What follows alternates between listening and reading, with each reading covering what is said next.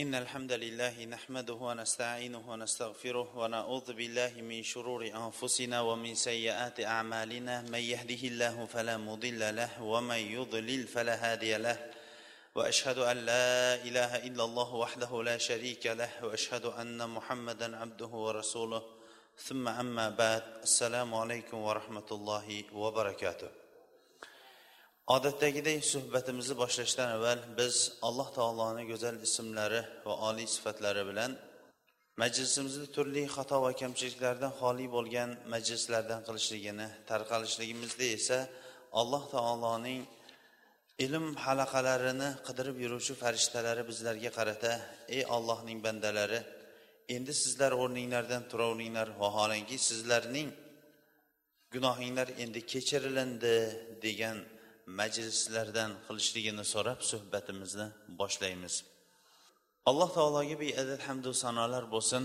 Bugun mana ba'zi bir kishilar bilan maslahatlashgan holatda yangi silsila darsini inshaalloh boshlaymiz. Alloh taoloni go'zal ismlari va oliy sifatlari keng fazlu karami bilan o'qiyotgan va boshlamoqchi bo'lgan bu buyuk silsila darsimiz.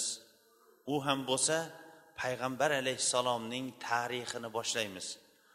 Bu tarixni alloh taolo avvalambor o'zimizga keyin esa barcha barcha bizni tinglab turganlar uchun manfaatli qilishligini alloh taolodan so'rab qolamiz. Bu payg'ambar alayhissalomning tarixini o'rganishlik bu aslida katta bir baxtdir. Bu baxtga yetishlik esa va unga amal qilishlik esa alloh taoloni bu bandalarini yaxshi ko'rishligidan bo'lgan dalolatdir. Nima uchun? Chunki bu tarixni o'rganishlik payg'ambar alayhissalomga ergashishlikka payg'ambar alayhissalomga ergashishlik esa alloh taoloning muhabbatiga erishishlikka sabab bo'ladigan buyuk amaldir.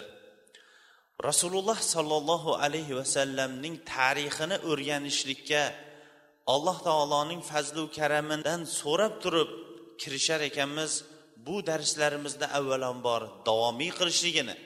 Ikkinchidan esa amal qilishlikka alloh taolo tavfiq berishligini so'rab qolamiz.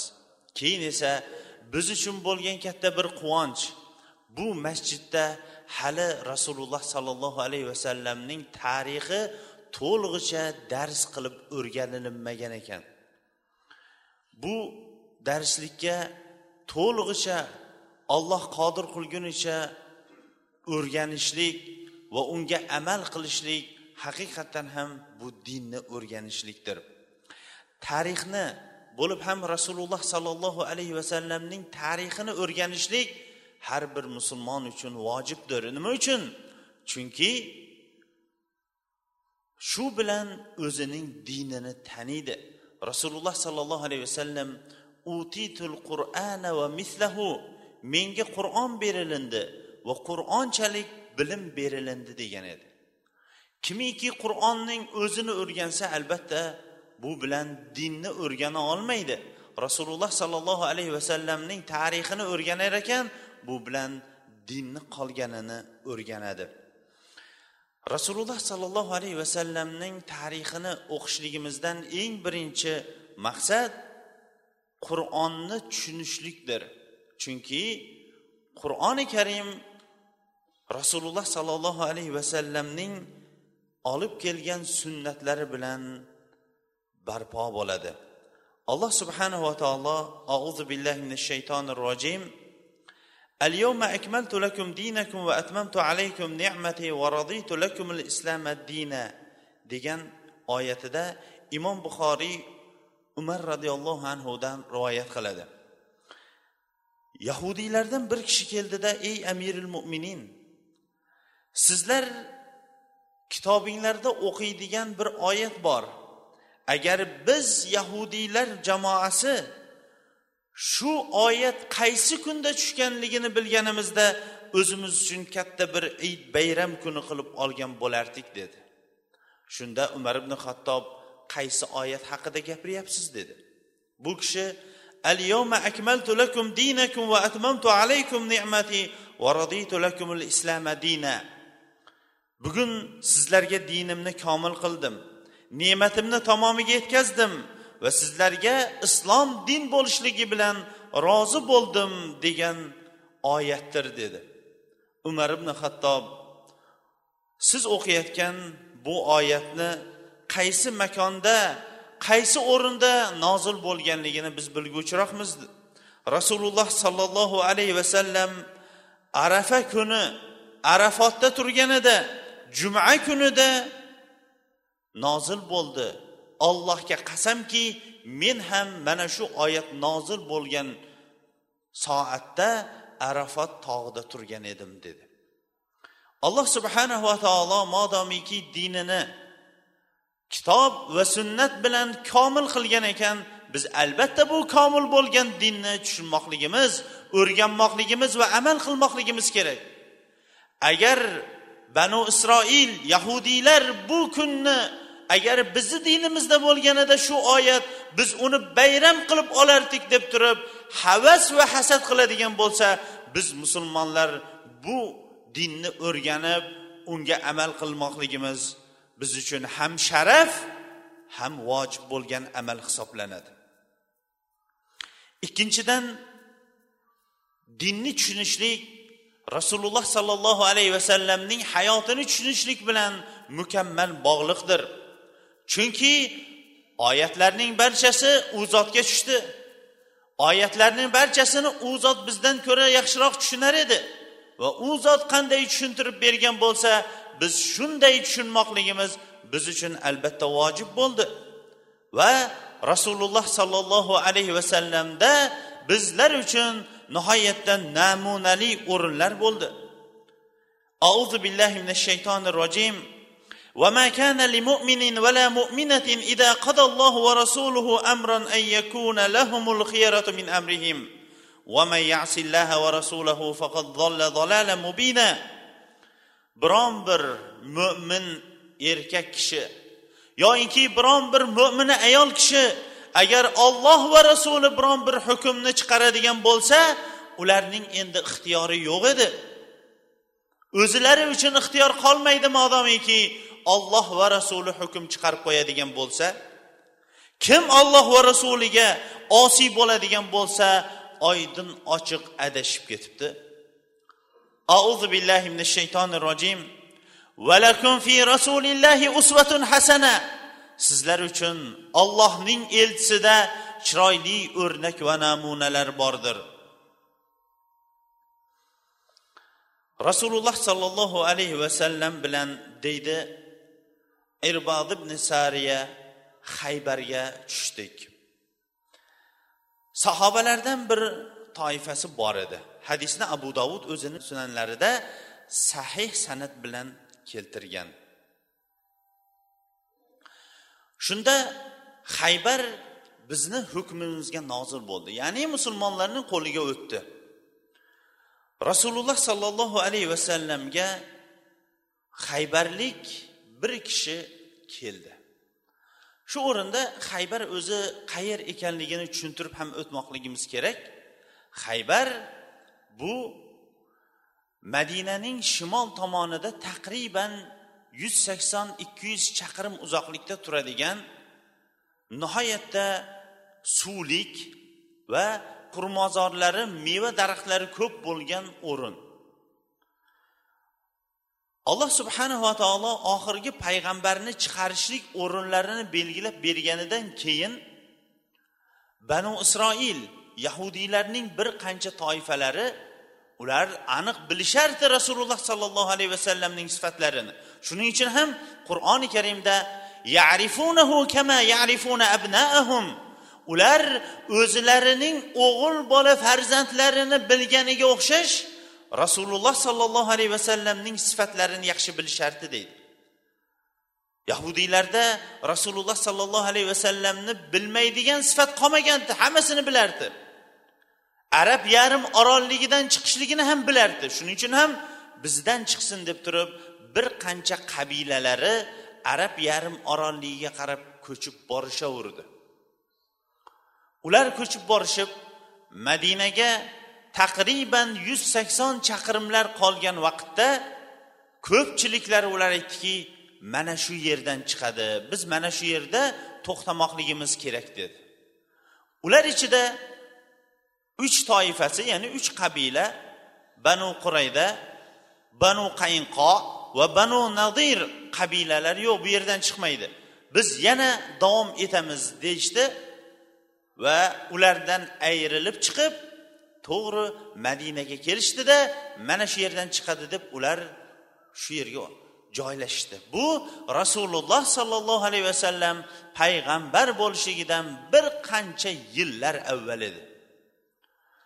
Haybar shu bilan asosan yahudiylar boshqaradigan o'rin bo'lib qoldi. Ular haybarda turib o'zlaridan bir elchi chiqishligini kutib o'tirishardi. Vaqtlar o'tishligi bilan rasululloh sollallohu alayhi vasallam makkadan madinaga hijrat qilib yahudiylar vaqtlar o'tgandan keyin madinadan surgun qilingandan keyin ular o'zlarining asli qavmu qarindoshi bo'lgan haybarliklarga bordi. Haybar ham musulmonlarning qo'liga vaqti o'tib o'tdi. Uni inshaalloh bugun boshlayotgan tariximizda inshaalloh boshlaymiz. Lekin bu yerda musulmonlarning qo'liga o'tgan o'rnida to'xtamoqchimiz. Musulmonlarning qo'liga o'tgandan keyin bir kishi payg'ambar alayhissalomni oldiga keldida ey muhammad dedi. Sizlar xohlagancha bizni hayvonlarimizdan yeb so'yib mevalarimizdan yeyishinglar ayollarimizga oldiga kirishliginglar mumkin dedi. Payg'ambar sollallohu alayhi vasallamning jahllari chiqdi. Keyin ey ibn avf dedi otingizga miningda nido qiling dedi. Mo'min kishi uchungina jannat halol boshqalarga halol emas deb ayting. Va ularning barchasi jamoat namoziga jamlanishsin dedi. Rasululloh sollallohu alayhi vasallam bu bilan ularga va'z aytmoqchi bo'ldi. Ular jamlanishdi. Payg'ambar sollallohu alayhi vasallam namoz o'qidilar. So'ngra turib alloh taologa hamdu sano aytgandan keyin aytdiki sizlarning birontangiz o'zining yostig'iga yonboshlab olib o'ylaydimiki alloh taolo faqatgina mana shu qur'oni karimning o'zida harom qilgan narsasi harom deb o'ylaydimi? Ollohga qasamki men nima narsaga buyurgan bo'lsam nima narsadan qaytargan bo'lsam qaysi bir o'rinda va'z qilgan bo'lsam bularning barchasi qur'oni karimning hukmi bilan bab barobardir yoyinki undan ko'proqdir dedi. Alloh subhanava taolo ahli kitoblarning birontasining uyiga izinsiz kirishlikka ruxsat bergani yo'q. Ayollarining oldiga ham izinsiz nikohsiz kirishlikka ruxsat bergani yo'q. Mevalarini ham izinsiz yeyishlikka ruxsat bergani yo'q. Agar izn berilsagina unda bu ishlarni qilsa bo'ladi dedi. Bu gaplari bilan rasululloh sollallohu alayhi vasallam sunnatning qur'on bilan bo'lgan manzilati qanchalik ekanligini bayon qildi. Rasululloh sollallohu alayhi vasallamning tarixini boshlar ekanmiz. Bunga uchinchi sabab sunnat umumiy qur'onda kelgan hukmlarni xoslab tushuntirib beradigan manbadir alloh subhanahu va taolo qur'oni karimda qaysi bir o'rinda biron bir umumiy buyruq bergan bo'lsa ularning barchasini rasululloh sollallohu alayhi vasallamning sunnati bizlar uchun xoslab bergandir. Shuning uchun ham keyingi asrlarda o'zlariga qur'oniylar deb nom olgan jamoatlarning adashgan o'rinlari mana shu o'rinda yaqqol ko'rinib turadiki qur'oni karimda bir kecha kunduzda besh vaqt namoz o'qing degan o'rinni ular topishmasdan faqatgina auzu billahi minash shaytonir rojim va aqimus solata va atuz zaka namozni barpo qilinglar zakotni o'tinglar degan oyatni topadi. Ammo bomdod namozi qachon vaqti kirib qachon chiqishligi qancha rakaat o'qilishligi rakatlardagi qaysi bir amal vojib qaysi biri farz sunnat mustahab va namoz o'qishlik kayfiyatini ular topishmaydi. Uni topsalar ham faqatgina rasululloh sollallohu alayhi vasallamning sunnatlaridan topadi. Shuning uchun ham rasululloh sollallohu alayhi vasallam imom buxoriyning rivoyatida sollu kama roaytumuni usolli men qanday namoz o'qiyotganimni ko'rsanglar shunday namoz o'qinglar derdi. Ali roziyallohu anhuga laysa alayka shay'un ya'ni fi dhahabi hatta yakuna laka 20 dinaran. 20 dinor miqdorichalik oltinga molingizning miqdori yetmaguncha zakot berishlik sizga vojib emas derdi. Xuddi shunga o'xshash sunnat halol haromlarni ham qur'oni karimda barchasini ifodalab bayon qilib keldi.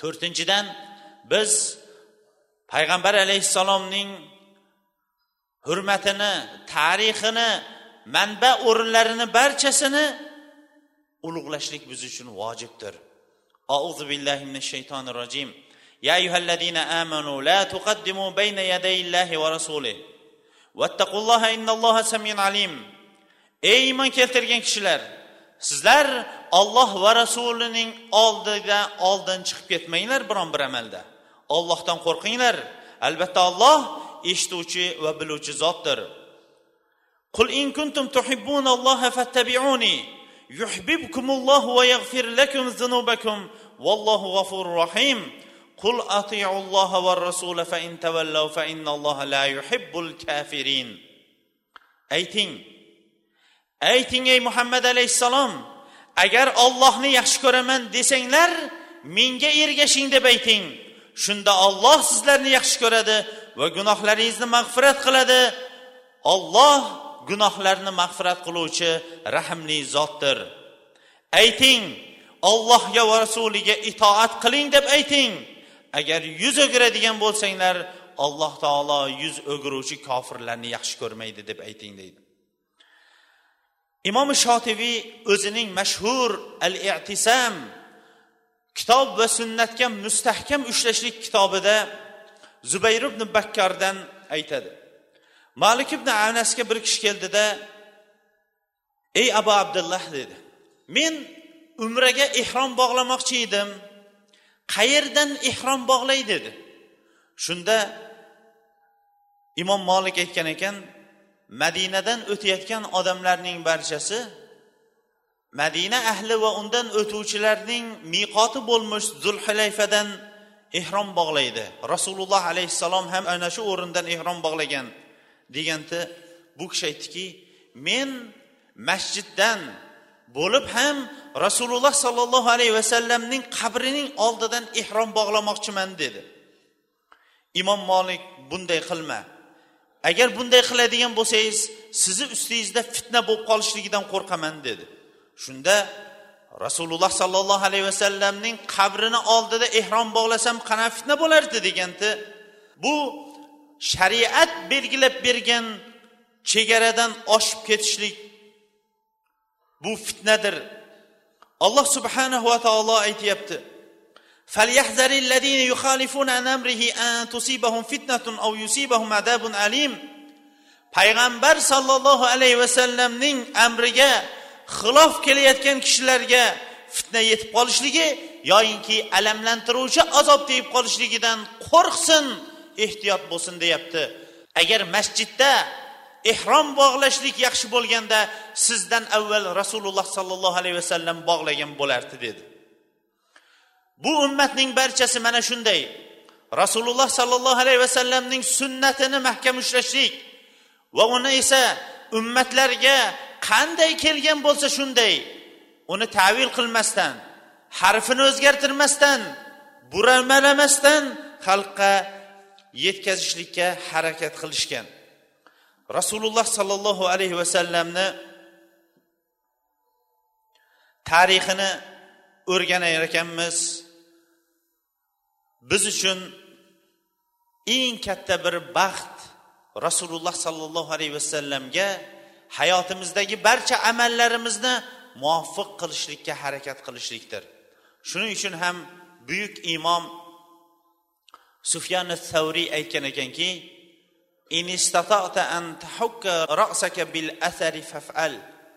agar boshingizni qoshlashlikka ham boshingizni shunday qashib qo'yishni ham sunnatga yoinki asarga muvofiq qila oladigan bo'lsangiz shuni ham xuddi shunday qiling degan ekanlar. Rasululloh sollallohu alayhi vasallamning tarixini o'rganishlik va uni bilishlik insonlar uchun bo'lgan eng katta bir bilimdir.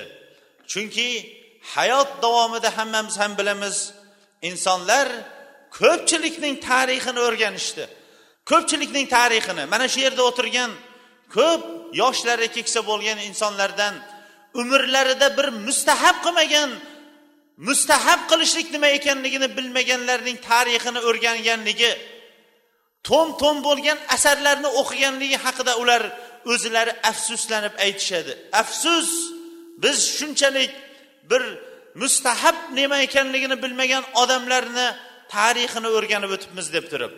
Lekin rasululloh sollallohu alayhi vasallamning tarixini o'rganishlik bu inson uchun sharaf bilimlar ichidagi sharafli bo'lgan bilimdir. Fazilatli ilmlar ichidagi eng fazilatli bo'lgan ilmdir.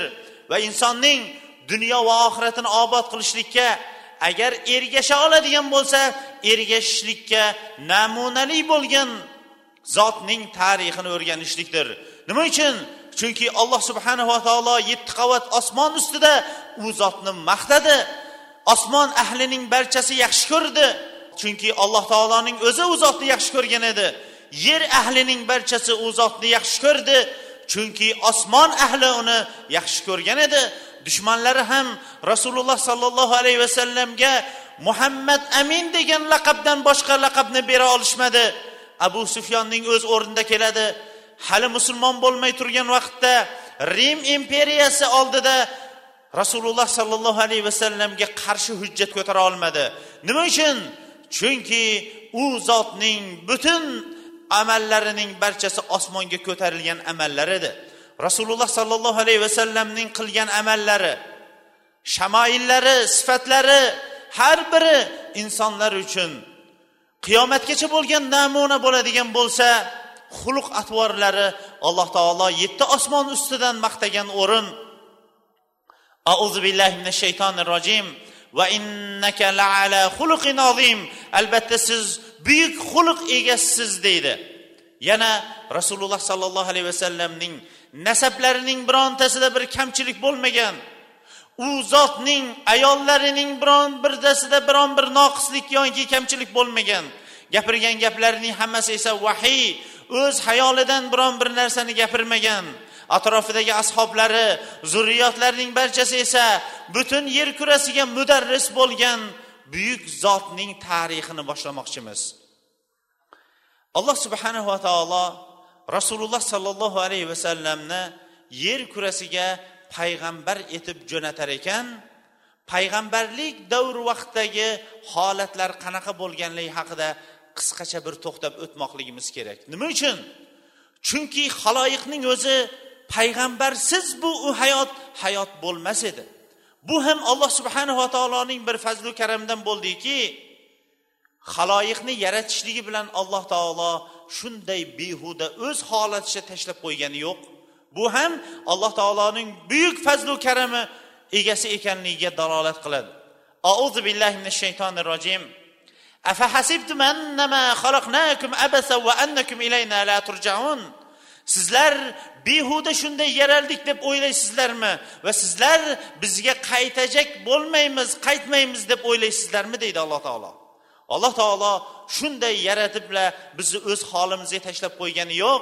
O'zining fazlu karami bilan ketma ket bizni o'zimizning jinsimizdan bo'lgan ota onadan tug'ilgan biz bilan birga o'tiradigan va o'zidan zurriyat qoldiradigan o'zi ham inson farzandi bo'lgan payg'ambarlarni jo'natdi. Va yetti osmon ustidan sizu bizni dunyo va oxiratimizni saodatiga sabab bo'ladigan kitoblarni nozil qildi. Bu ham alloh subhanava taoloning buyuk fazlu karamiga dalolat qiladigan buyuk amallarning bittasi hisoblanardi. Demak insonlar ulamolarimiz aytmoqchi insonlar vahiyga payg'ambarlikka bo'lgan ehtiyoji insonlarning yeyish ichishligidan ko'ra ehtiyoji balandroqdir. Nima uchun? Chunki alloh subhanava taolo bu haloyiqni o'z holiga tashlab qo'yganida ahvol nima bo'lishligini endi tasavvur qiling. Mutlaq oydin ochiq o'rmon hayotining o'zi bo'lardi. Ollohdan qo'rqmagan jamiyatlarga nazar soladigan bo'lsangiz mustahkam bo'lganlar baquvvatlar zaiflarni kemirib borayotgan o'rmon hayotining o'zini ko'raverasiz. Ammo islomchi? Islom olib kelgan yo'l esa avval zaiflarni oldinga qo'yib turib keyin bo'lsa hollari mustahkam bo'lgan baquvvatlarni orqaga qo'ydi. Umar ibn xattob va abu bakr roziyallohu anhu xalifa bo'lganlaridagi eng birinchi qilgan xutbalar shundan iborat bo'ldiki zaiflardan olinib qo'yilgan haqlarni qaytarib bermaguncha men o'z o'rnimda turolmasligim menga buyurilgan amaldir deydi. Insoniyat butun bashariyatning payg'ambarlikka bo'lgan ehtiyoji insoniyatning yeyish ichishga bo'lgan ehtiyojidan buyukroq bo'ldi. Shuning uchun ham alloh subhanava taolo o'z vaqtida payg'ambarlarni yuborib turdi. Rasululloh sollallohu alayhi vasallamning yuborilishlik o'rinlariga endi qisqa ravishda to'xtaymiz. Eng birinchi yuborilishlik geografik tomondagi o'rni. Hammamizga ham ma'lumki rasululloh sollallohu alayhi vasallam makka shahrida tug'ilgan. Qur'oni karimda makka kalimasi bir qancha so'zlar bilan kelgan. Bitta o'rinda bakka deb kelgan. M harfining o'rniga b harfi almashib kelgan. Mana shu bakka deb kelishligining o'zi bizlarga ma'lum qiladiki arab tili tilshunoslar aytadi bakka degani nihoyatda zich odamlari ko'p bo'lgan o'rinni ifodalaydi degan. Makkaga yuborilishligi makka esa hammamizga ham ma'lum arab yarim orolligidir. Hozir biz arab yarim orolligi haqida qisqa to'xtaymizda inshaalloh suhbatimiz davomini kelgusi jumada nima uchun payg'ambar alayhissalom arablardan tanlanganligi arablarning tarixi rasululloh sollallohu alayhi vasallam yuborilgan vaqtdagi siyosiy ahvol iqtisodiy ijtimoiy ahvollar qanaqa ekanligi haqida asta sekinlik bilan tanishib chiqamiz. Ammo nima uchun rasululloh sollallohu alayhi vasallam aynan arab yarim orolligiga jo'natilindi? Bunda nima hikmat bor edi? Geografik tomondan nima hikmat bor edi? Yigirmanchi asrning geografik ba'zi bir ulamolari xossatan misr olimlari yigirmanchi va yigirma birinchi asrdagi geografik kashfiyotlarga qarab turib ular vo ajabo deb yoqalarini ushlashdi. Nima uchun? Chunki ular ortidan iymon turganligi uchun ham ular makkaning yer kurasi bo'yicha yerning kindigi ekanligini ular aniqlashdi. Va shu bilan ikki tomonlama rasululloh sollallohu alayhi vasallamning ayni arab yarim orolligiga jo'natilganligining ikkita hikmatini ular aytishdi. Birinchisi arab yarim orolligi atrofining barchasi katta bir sahroyi qumliklardan iborat bo'lib turib uning sohasi ya'ni masofasi uch yuz ming million kvadrat metrlik atrofi qumdan iborat.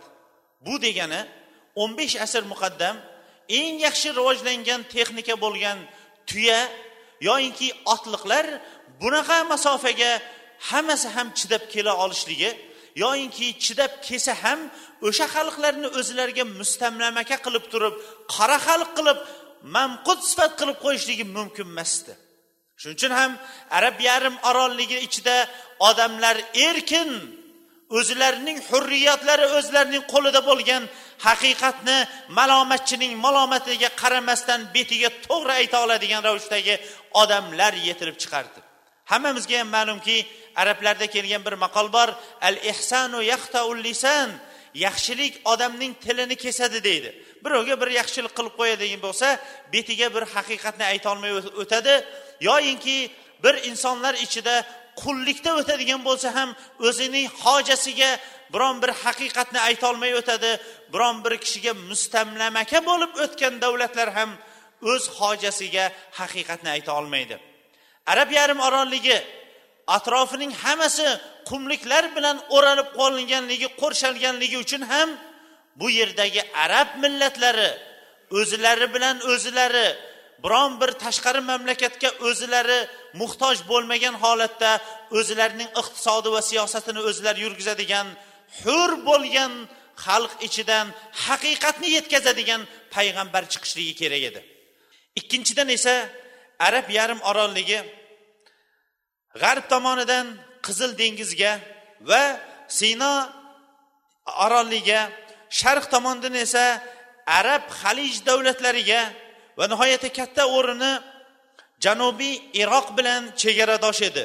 Janub tomondan esa arablar butun shu bilan hind dengiziga chiqib keta oladigan katta arab dengizi bilan qo'shni edi. Shimol tomonidan esa shom bilan qo'shni edi. Va iroq bilan ham qo'shni edi. Bu bilan bizga ma'lum bo'ladiki o'sha vaqtdagi eng katta ikkita imperiya bor edi.